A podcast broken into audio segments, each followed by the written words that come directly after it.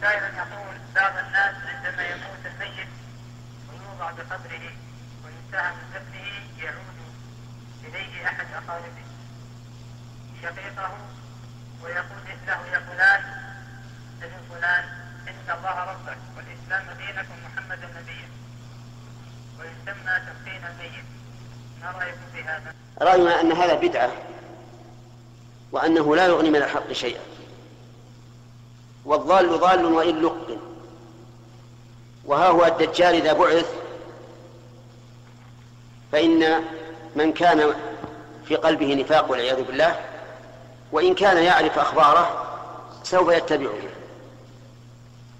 لكن الثابت أن النبي صلى الله عليه وسلم كان إذا فرغ من دفن الميت وقف عليه وقال استغفروا لأخيكم واسألوا له التثبيت فإنه الآن يسأل ولم يقل لقنوه.